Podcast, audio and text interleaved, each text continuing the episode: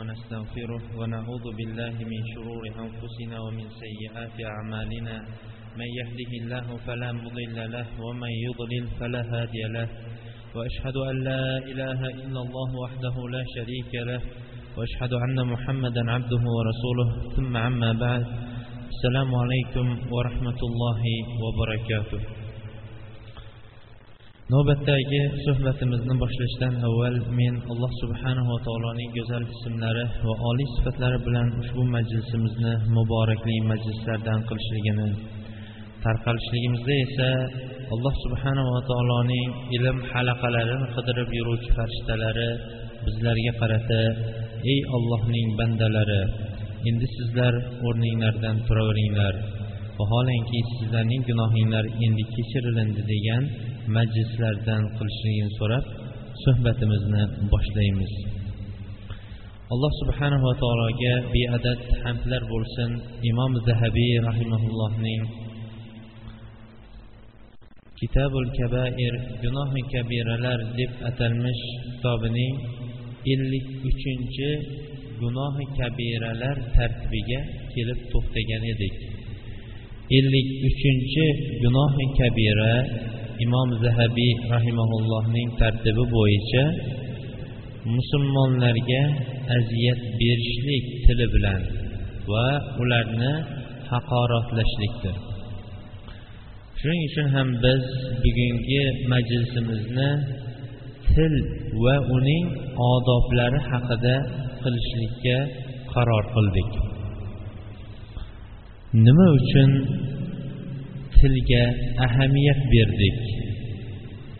Chunki til xuddi payg'ambarimiz sollallohu alayhi vasallam imom termiziy va ibn huzayma va bayhaqiy rivoyat qilgan. Shayx albani rahimaulloh sahih degan hadisda إذا أصبح ابن آدم فإن الأعضاء تذكر اللسان فتقول لها فتقول له يا لسان اتق الله فينا. فإنما نحن بك إذا استقمت استقمنا وإذا عججت عججنا chunki tilning ahamiyati nihoyatda katta o'rinni o'z ichiga oladiki. Mana bu hadisda payg'ambarimiz sollallohu alayhi vasallam marhamat qilib aytdilarki agar inson tong ottiradigan bo'lsa insonning hamma a'zolari tilni eslatib tilga eslatib turib tilga qarata aytadiki ey til sen bizning haqimizda ollohdan qo'rq. Chunki biz sen bilan birgamiz. Agar sen to'g'irlansang biz ham to'g'irlanamiz agar sen egri bo'lsang biz ham sen sababli egri bo'lamiz deb turar ekan har kuni tongda. Demak insonning butun a'zolarining yo salohiyatli yoyinki o'zi va atrofdagilarning hammasiga fasod tarqalishiga asosiy sabab bo'ladigan insondagi a'zolarning bittasi til bo'lganligi uchun ham bugun til haqida mavzuni yuritmoqchimiz. Til nima? Til sizning qalbingizdagi narsani boshqalarga ta'bir qilib ibora bilan tushuntirib bera oladigan bu a'zo til deyiladi. Boshqalar aytgan ekanki til badanning vaziridir.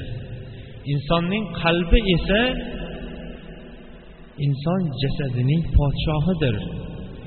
Qachon podshoh bilan vazir salohiyatli bo'lsa badanning hammasi ham salohiyatli bo'ladi. Qachon ikkovi ham buziladigan bo'lsa badanning hammasi buziladi deyishgan ekan. Bir kuni umar ibn hattob roziyallohu anhu abu bakr roziyallohu anhuning oldiga kirdilar. Kirsalar abu bakr roziyallohu anhu tilini qo'liga ushlab olib cho'zib turgan ekan.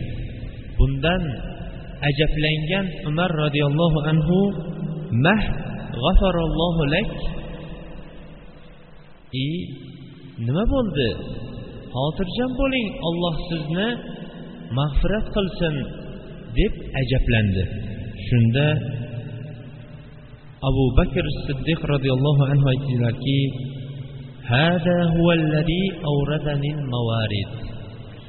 mening har xil o'rinlarga solgan yaxshiyu yomon gaplarni gapirishligimga sabab bo'lgan a'zoyim mana shu deb tiliga ozroq ta'zir berishlik uchun tilini cho'zib turgan ekan.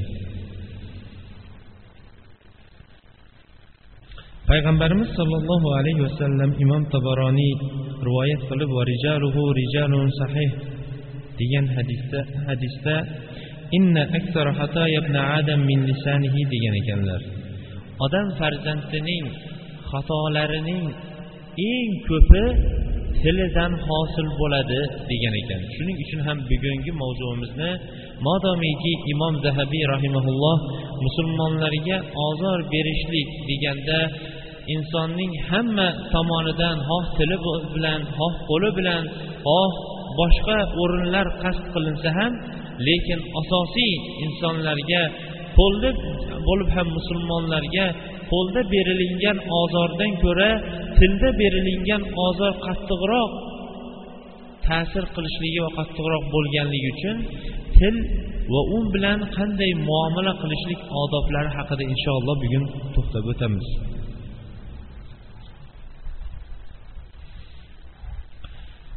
Til bilan bo'ladigan muomalalarning eng birinchisi ortiqcha gaplardan tiyilishlikdir payg'ambarimiz sollallohu alayhi vasallam ibn abi dunya o'zining kitobida imom ahmad zuhd kitobida rivoyat qilgan hadisida aytgan ekanlarki tuba liman anfaqal fadla min malihi va amsakal fadla min qawlihi. Ortiqcha gapini infoq qilib yuborgan va gapining molining ortiqchasini infoq qilib yuborganu ortiqcha gap bo'ladigan bo'lsa sukut saqlab turadigan kishiga ollohning jannati bo'lsin degan ekanlar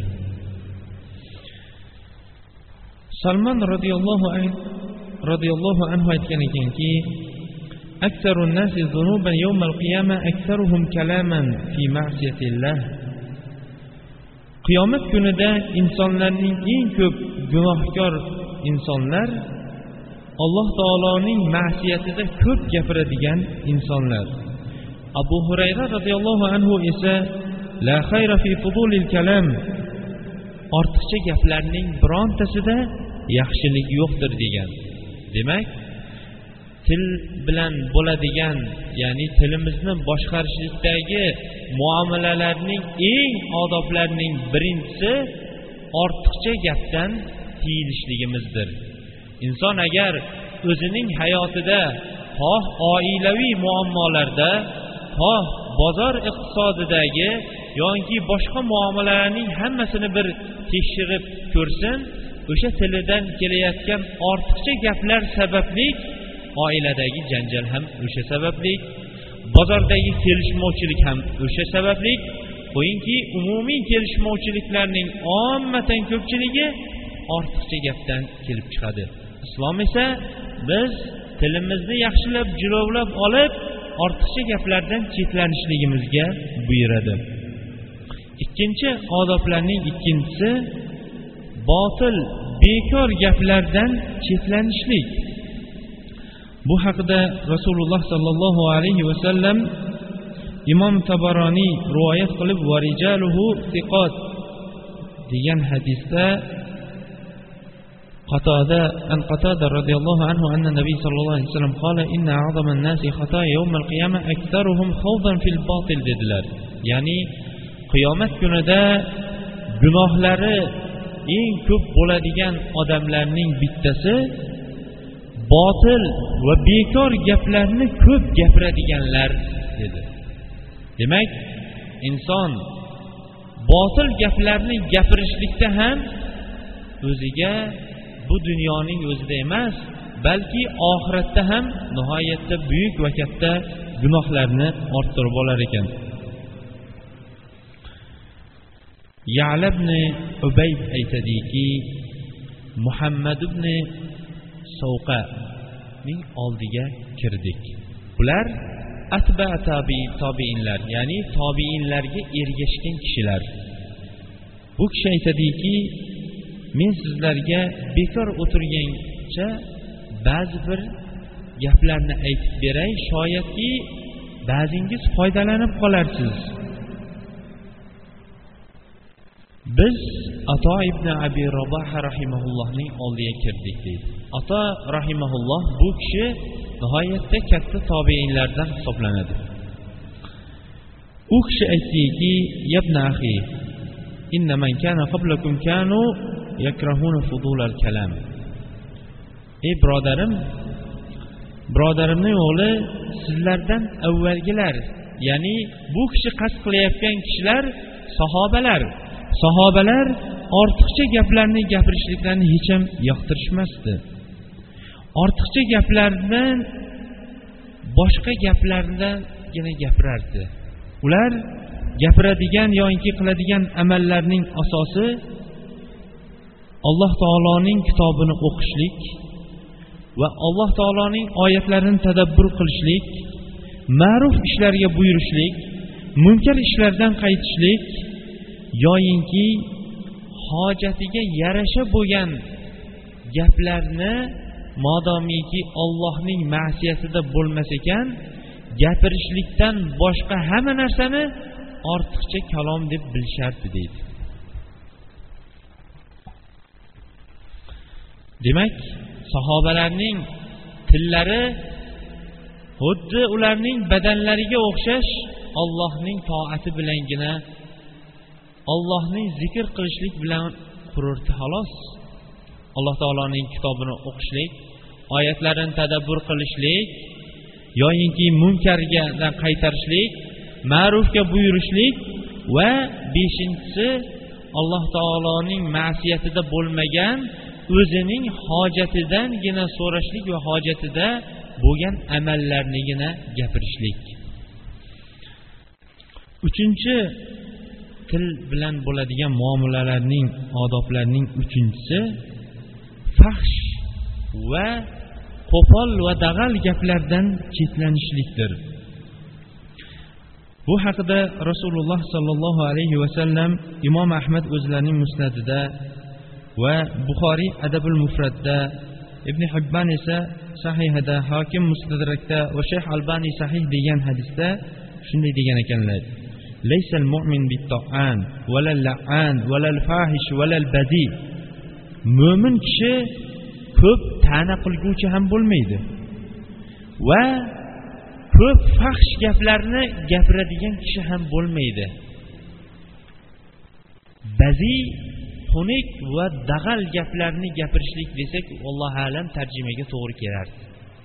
Demak mo'min kishi biron bir amalini yoki biron bir gapini ta'na qilmaydigan va fahshga va olib boradigan va fahshga aloqador bo'lgan ochiq gaplarni gapirmaydigan va dag'al qo'pol gapirmaydigan kishilar bu mo'min kishilar deyapti rasululloh sollallohu alayhi vasallam.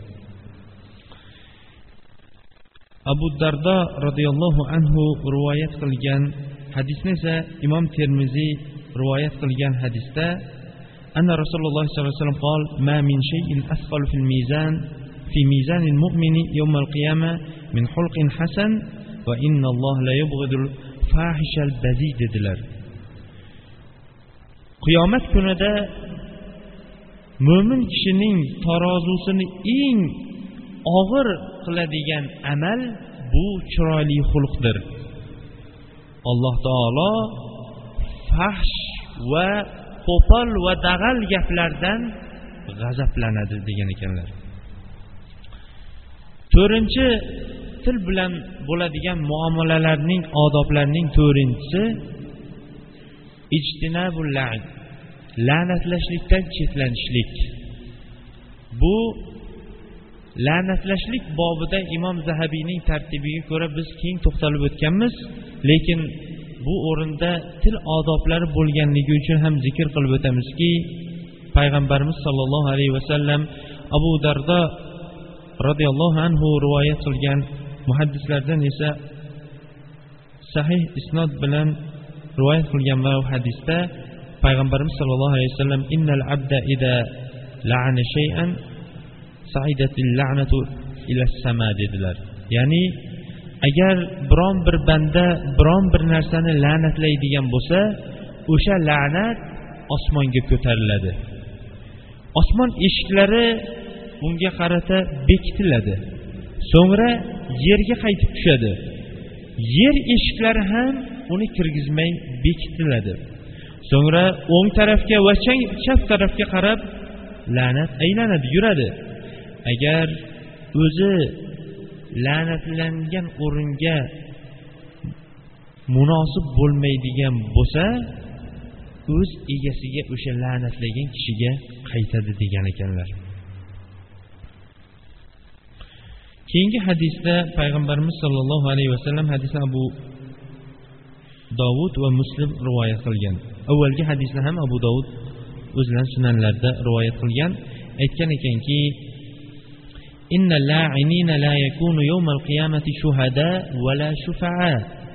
la'natlovchi kishilar qiyomat kunida biron bir kishiga guvoh ham bo'la olmaydi va biron bir kishini shafoatiga ham ola olmaydi degan ekanlar. Yana til bilan bo'ladigan odoblarning beshinchisi gapda ham amalda ham sodiqlik bilan gapirishlik payg'ambarimiz sollallohu alayhi vasallam imom ahmad musnatda rivoyat qilgan imom termiziy ham rivoyat qilgan hadisda aytgan ekanlarki alaykum bisidqi فإن الصدق يهدي إلى البر وإن البر يهدي إلى الجنة وما يزال الرجل يصدق ويتحرى الصدق حتى يكتب عند الله صديقا وإياكم بالكذب فإن الكذب يهدي إلى الفجور وإن الفجور يهدي إلى النار وما يزال العبد يكذب ويتحرى الكذب حتى يكتب عند الله كذاب degan ekanlar ya'ni sizlar o'zinglarga sodiqlikni lozim tutinglar ya'ni doim sodiq bo'linglar chunki sodiqlik insonlarni yaxshilikka yetaklaydi Yaxshiliklar esa insonni jannatga yetaklaydi. Inson sodiq bo'lib ya'ni bu sodiqlik ham gapda ham amalda. Sodiqlik bilan amal qilaveradi yoyinki sodiqlik tomonga qarab intilaveradi hatto bora bora alloh taoloning oldida sodiqlar qatorida yozilib qo'yiladi. Ya'ni sodiqlar qatoriga kiradi. Sizlar yolg'ondan ehtiyot bo'linglar. Chunki yolg'on insonni gunohlarga yetaklaydi. Albatta inson yolg'on gapirishligi bilan bo'ladigan gunohi bitta gunohni orttiradigan bo'lsa o'sha yolg'onni yopaman deb turib ertaga yana bitta gunoh yana bitta yolg'on gapirishligi gunoh orqasidan gunohni yetaklab kelishlik ergashtirib kelishligidir. Hadisda ham aytyaptiki chunki yolg'on insonni gunohlariga yetaklaydi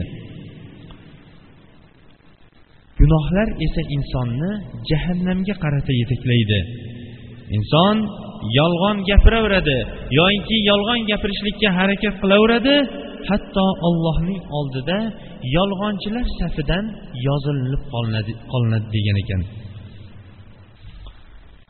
Til bilan bo'ladigan odoblarniki yana bittasi atrofdagi xosatan musulmonlar safidagi odamlarni masxaralashlik ularning ustidan kulishlik yoyinki past ularni past sanashdan ehtiyot bo'lishlikdir.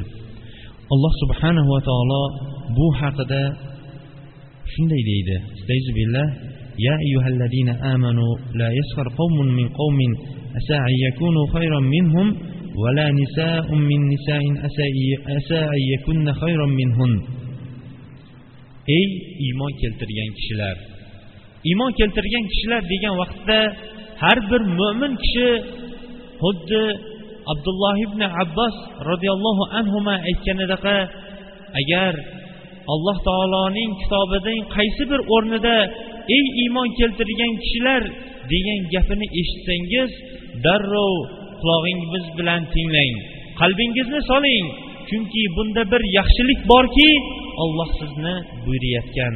Yoinki bir yomonlik borki olloh sizni bundan qaytarayotgan degan ekan. Bu o'rin ham kimlarga qilinayotgan xitob?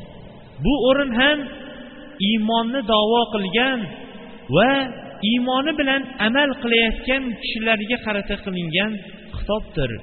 Ey iymon keltirgan kishilar sizlar bir biringizni masxara qilmangiz.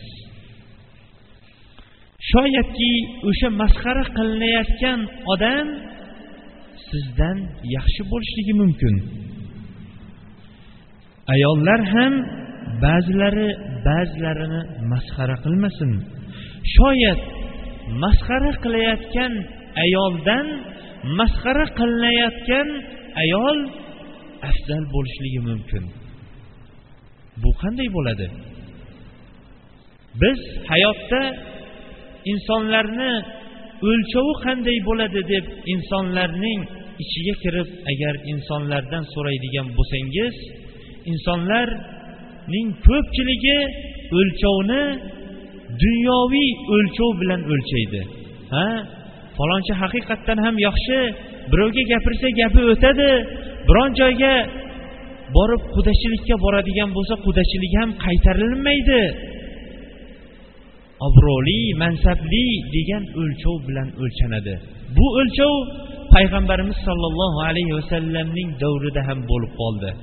Payg'ambarimiz sollallohu alayhi vasallamni oldidan bir kishi olib o'tilindi. Aytdiki bu kishi kim deganda aytdiki bu kishi agar biron kishi ikki kishi husumatlashib qolib bu kishi o'rtaga tushib birontasini shafoat qiladigan bo'lsa shafoati qabullanadigan va biron joyga sovchilikka boradigan bo'lsa sovchiligi qaytarilmaydigan odam dedi. Keyingi kishi o'tganda bu kishi kim deb so'raganlarida aytdiki ha bu kishining shafoati ham qabul qilinmaydi. Insonlar orasida obro' e'tibori yo'q. Biron joyga sovchilikka borib eshik qoqib borsa sovchiligini ham birov e'tiborga olib sovchiligi ham qaytariladigan odam dedi. Payg'ambarimiz sollallohu alayhi vasallamning o'lchovi bu haqiqiy o'lchov edi bu o'lchov olloh subhanahu va taoloning qiyomat kunida qo'yadigan tarozusi haq tarozusidan bo'lgan o'lchov bilan u kishi o'lchar edi. Aytdilarki keyingi so'ralingan kishi ollohning nazrida avvalgi kishidan bir necha barobar ortiq dedi. Biz ham mana bu oyatni eshitib ma'nolarini tinglab turgan vaqtda o'zimiz ham ba'zilarimiz ba'zilarimizni tilimiz bilan ozor berib masxara qilayotgan vaqtda o'ylab qo'yaylikki balki o'sha masxara qilayotgan odamimiz agarchi biz bilan bir safda namoz o'qisa ham lekin uning xushu bilan ixlos bilan o'qiganligi uchun savobi ortiqroqdir. Balkim u ro'zadordir. Siz ro'zador emasdirsiz. Balkim u odamlar shirin uyquga ketgan vaqtda kechalari tahajjud o'qib alloh subhanava taologa tavba bilan kechalarini o'tkazadigan kunduzlarini esa ro'za bilan o'tkazadigan odamdir. Agarchi bunday bo'lmagan taqdirda ham biz hech kimni masxara qilishlikka buyurilmaganmiz balki masxara qilishlikdan qaytarilganmiz. ولا تنابزوا بالألقاب بئس الاسم الفسوق بعد الإيمان bu o'rinda ayollarni ham zikr qilib o'tdi tepada xos iymon keltirgan kishilarni zikr qildi ularga ayollar ham kelar edi lekin ayollarning orasida ham masxara qilishlik ko'p uchrab turganligi uchun alloh subhanahu va taolo ta'kidliroq qilib turib ayollarni ham ta'kidlab aytdiki ayollar ham bir birlarini masxara qilmasin.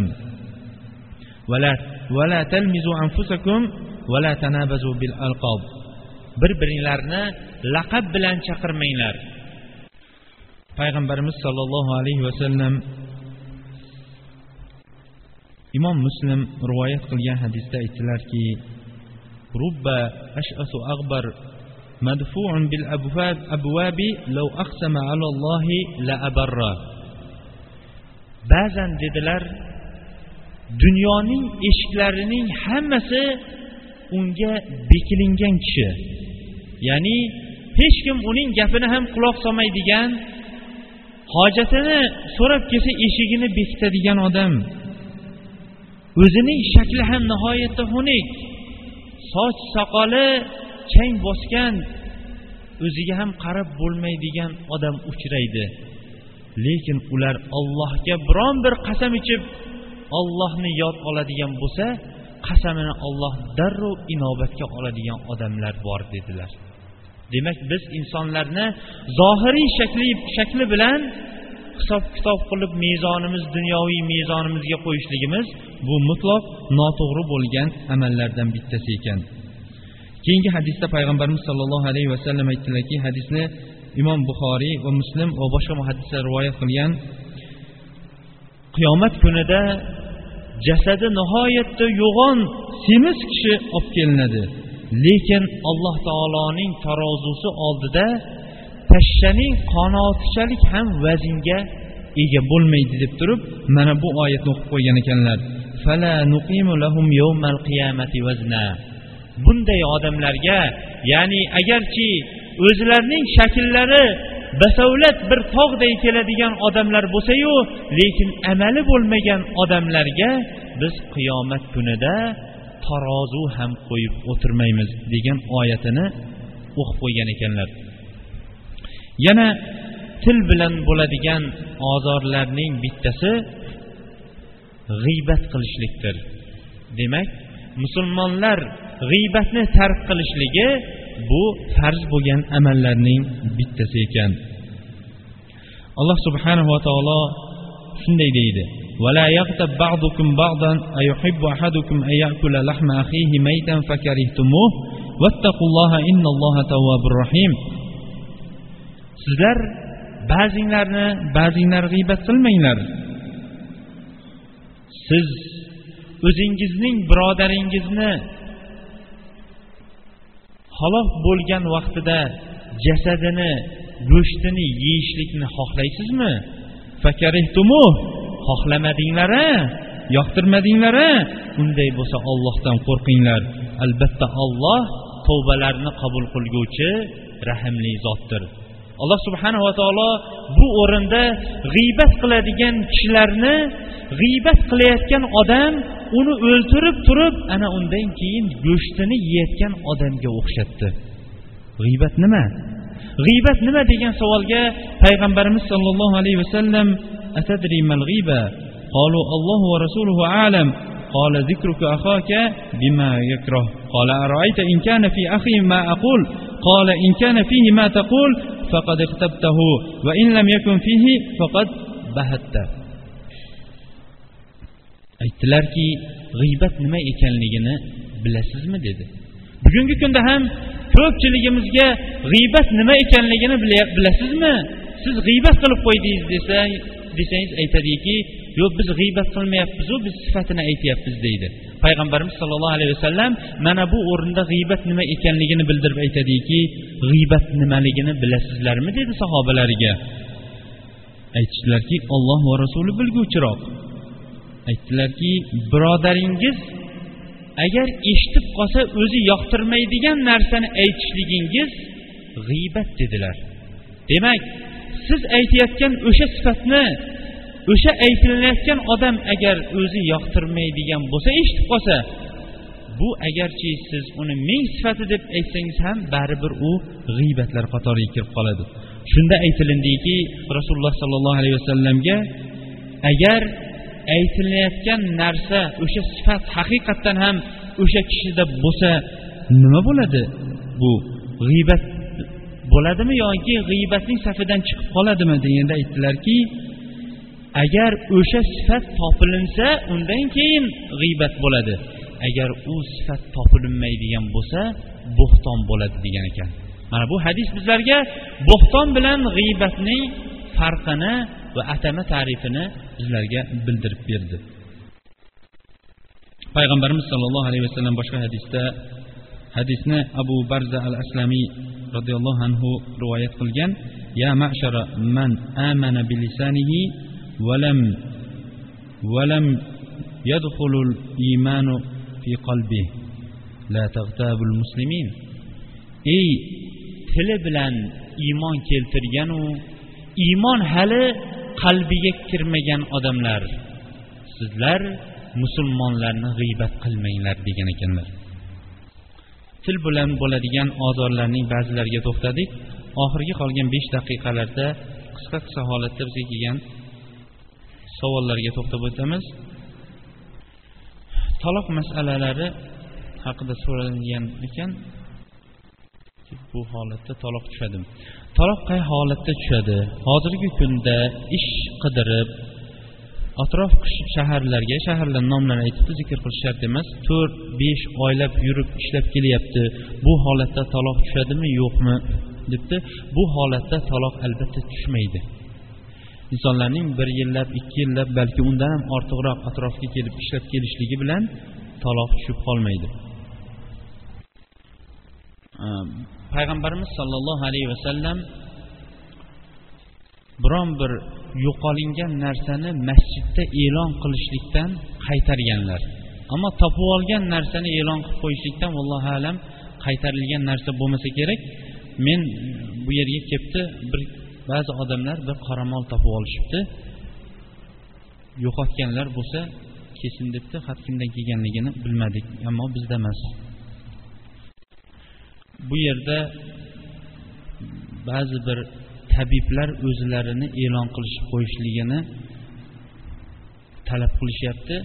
Masjid hali aytganimizdaqa unaqa e'lon qilib qo'yiladigan o'rin emas. Payg'ambarimiz alayhissalom kim biron bir narsani yo'qotsayu o'sha narsani topishlikni e'lon qilib qo'ysa alloh taolo o'sha yo'qotgan narsani toptirmasin deb duo qilganlar ya'ni duoibat qilganlar. Shuning uchun bu narsalardan cheklanishligimiz kerak. Kerak bo'ladigan bo'lsa tashqarida buni e'lon qilsa u erkin holatlarniki bittasi masjid esa ibodat o'rnidir. Alloh subhanahu va taolo hammamizni ham mana bu til va uning ofatlaridan musulmonlarga yetkazib qo'yadigan aziyatlardan alloh subhanava taolo hammamizni ham o'zi saqlasin. Payg'ambarimiz sollallohu alayhi vasallam bizlarga xabar berganidaqa tili va a'zolari bilan musulmonlarga ozor yetkazmaydigan musulmonlardan qilsin. Alloh subhanava taolo hammamizni ham tilimizni o'zining toatidagina quriydigan tillardan qilsin. Ma'siyatga olib boradigan gunoh g'iybat yolg'on qo'yingki barcha ma'siyatlarga olib boradigan tillardan qilmasin. Tilimizni faqat o'zining toatigagina bursin. Tilimizni va qalbimizni. Alloh subhanava taolo kasalxonalarda yotgan bemorlarga o'zi shifo bersin. Alloh subhanava taolo dardlarini yengil qilsin. Alloh subhanava taolo qarzmandlarning qarzini o'zi yengil qilsin. Ishlari yurmayotganlarning ishlarini o'zining toatida yurgizsin. Ishlari esa allohning ma'siyatida yurayotganlarni ishlarini o'zining toatiga bursin. Hammamizni ham va oilalarimizni va farzandlarimizni bu ibodatlarni qoim qiladigan sobit qadamlardan qilsin subhanakallohumma bihamdik ashhadu an la ilaha illa ant astag'firuka atubu ilayk bi rahmatika arhamar rohimin إن الحمد لله نحمده ونستعينه ونستغفره ونعوذ بالله من شرور أنفسنا ومن سيئات أعمالنا. من يهده الله فلا مضل له ومن يضلل فلا هادي له. وأشهد أن لا إله إلا الله وحده لا شريك له. وأشهد أن محمدا عبده ورسوله. ثم عما بعد الله سبحانه وتعالى asr surasida darhaqiqat bizlarga ko'p narsalarni vasiyat qilib o'tdi asr surasi agarchi qisqa mazmun bilan qisqa oyatlar bilan iborat bo'lsa ham lekin keng mazmunni o'zi ichiga olib ifodalagan suralarning bittasidir val asr asr vaqtiga qasamki innal insana lafi husr insonlarning hammasi ziyonko'rdir ziyondadir.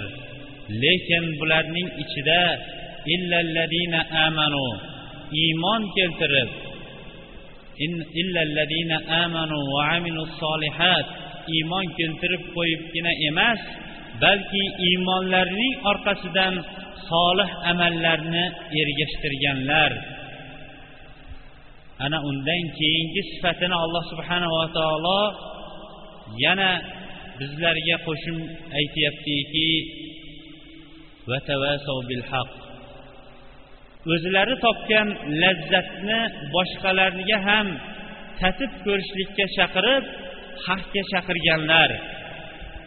Bu lazzat topayotgan vaqtda atrofdan kelgan ba'zi bir noxushliklar yoyinki aziyatlarga sabr qilganlar sabr mana shu to'rtta sifatni o'z ichiga olgan mo'minlardan boshqalarning hammasi ziyondadir deyapti.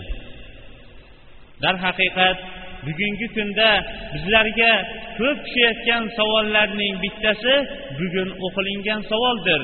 U ham bo'lsa farzandlarni boqishlik uchun alloh subhanava taoloning rizqini qidirib atrofga ketayotgan odamlar yillab yoki oylab yo'qolishligi sababli yo to'g'riroq ibora bilan aytganda oilasi bilan uzilib qolishligi sababli o'rtada nikoh buzilib yangi nikoh qilishlik kerakmi?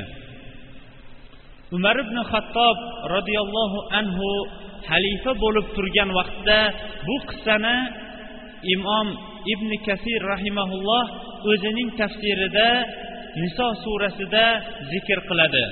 Bir kuni umar ibn xattob madinani madina ko'chalarini aylanardi. Voqea kechasi bo'layotganligi uchun atrofning hammasini jimjitlik va zulmat qoplagan edi. Umar ibn xattob bir uyning oldidan o'tib ketayotsa bir ayol o'zining bolasining beshigini tebratib turib bir ajoyib she'r aytadi. She'rning ma'nosi agar ollohdan qo'rqishlik va sabr qilishlik bo'lmaganida edi mana bu yotindiqda boshqalar bilan yotilinib ovoz chiqqan bo'lardi. Degan mazmunni o'z ichiga oladi. Umar ibn hattob bu oilani surishtirsa bu kelinning kuyovi bir necha oylardan avval safarga chiqqan ekan. Bo'lib ham qo'shni davlatdagi chegaralarda bo'lgan safarda ekan.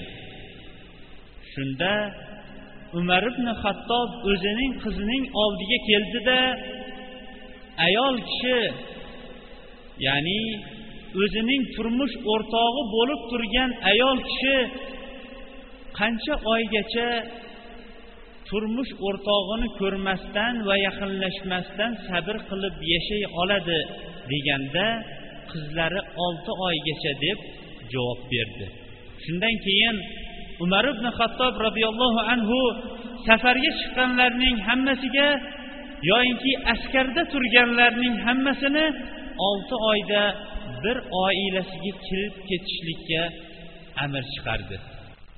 Ba'zi odamlar ichida mana bu qissani ba'zilari to'g'ri tushunib ba'zilari noto'g'ri tushunishligi sababdan bo'lsa kerakki odamlar ichida olti oygacha oilangizga yaqinlashmaydigan bo'lsangiz taloq tushadi degan gap.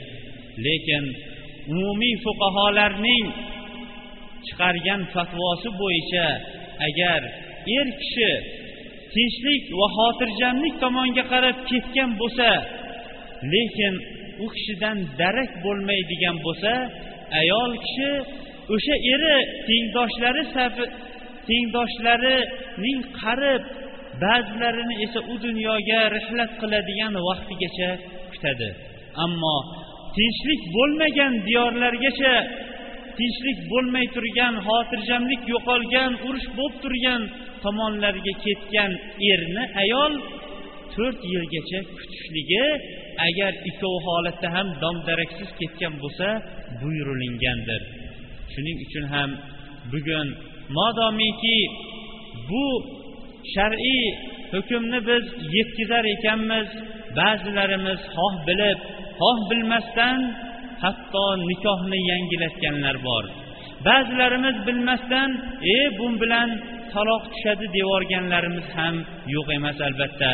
Shuning uchun bunday muborakli o'rinda va muborakli soatda bu qilib qo'ygan xato va kamchiliklarimizdan va o'tgan juma bilan bu juma orasida qilgan xato va kamchiliklarimizdan alloh subhanava taolodan mag'firatu tavbalarni so'raylik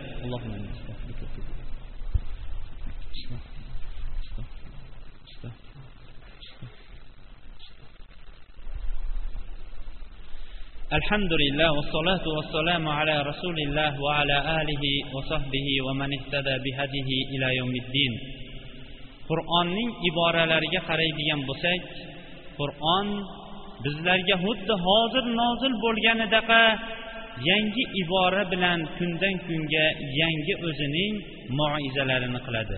Biz tepada o'qigan asr surasi ham hammamizni qilayotgan amalimizda sabr qilishlikka chorlaydi. Biz ham ayollarimizni mana bu o'rinlarda sabr qilishlikka chorlaymiz. Nima uchun? Chunki ayol sabr qilishligi bilan o'zining iffatini dinini saqlay oladi.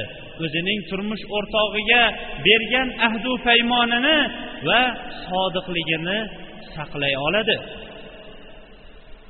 Ammo sabrsizlik jamiyatda fahsh buzg'unlik ahdlarni buzishlik qo'yingki butun olib kelayotgan yoinki voqeamizda bo'lib turgan jinoyatlarga sabab bo'ladi. Axir sizning o'sha turmush o'rtog'ingiz siz va sizning farzandlaringiz uchun rizq qidirib oylab va yillab tashqariga chiqib ketgan emasmidi? Robiatur roy degan tobiin o'tgan. Bu kishining fatvolari bugungi kungacha amal qilinib keladigan fatvolardandir.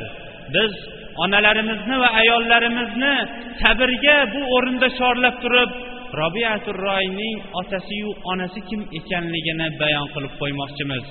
Robiatur roy ozgina vaqt turmush ko'rganidan keyin ollohning yo'lida chiqib ketdi. Bir necha yillar o'tganidan keyin madinaga qaytdi. Axir uni payg'ambarimiz sollallohu alayhi vasallamning suyukli shahri madina kutar edi axir uni o'zining ayoli kutar edi. Sunnatga muvofiq shaharga kelgandan keyingi birinchi ziyorat o'rni bu masjid bo'ldi. Payg'ambarimiz alayhissalom masjidlarida shom namozini o'qidi. Shom namozidan keyin uylariga shoshilmadilar balki o'sha yerda halaqalarni qidirib turib biron bir ilm halaqasiga o'tirmoqchi bo'ldi. Halaqalarning eng kattasi deb bir katta halaqaga o'tirdi. Bu halaqada bir hali soqoli o'sib ulgurmagan yosh yigit dars berib turar edi. Dars xufton vaqtida tugadi. Xuftonni o'qib bo'lib o'zining hovlisi tomonga qarab yurdi. Hovlisi tomonga qarab yurib hovlisiga axir o'zining hovlisiga kirib izinsiz kirib qarasalar bir ayol turgan edi. Ichkaridan to'satdan bir yigit chiqib hali bizning uyimizga beruxsat kirganingizning o'zi kifoya qilmaganday bizning ayolimizga ham hali termilib turibsizmi? deb yoqasidan ushlab turgan vaqtda robiaturroyning ayoli chiqib o'rtani ajratib axir bolam tanimadingizda bu sizning otangiz bo'ladi deganida ota bilan bola o'ziga kelishdi. Qarang o'rtadan qancha yillar o'tdi. Robiaturroy o'zining farzandi tug'ilganida hali ko'rmagan edi. Lekin ayol o'zining sadoqati va sabri bilan farzandining shunchalik ulg'ayib kattayib farzandni olim qilib yetishtirib uylantirganidan keyin ham robiaturroyni sabr bilan robiaturroyning otasini sabr bilan kutib turgan edi. Ozgina muddat o'tib ular tanishib olishib muddat o'tgandan keyin er o'zining ayoliga tashlab ketgan katta miqdordagi omonatini so'radi.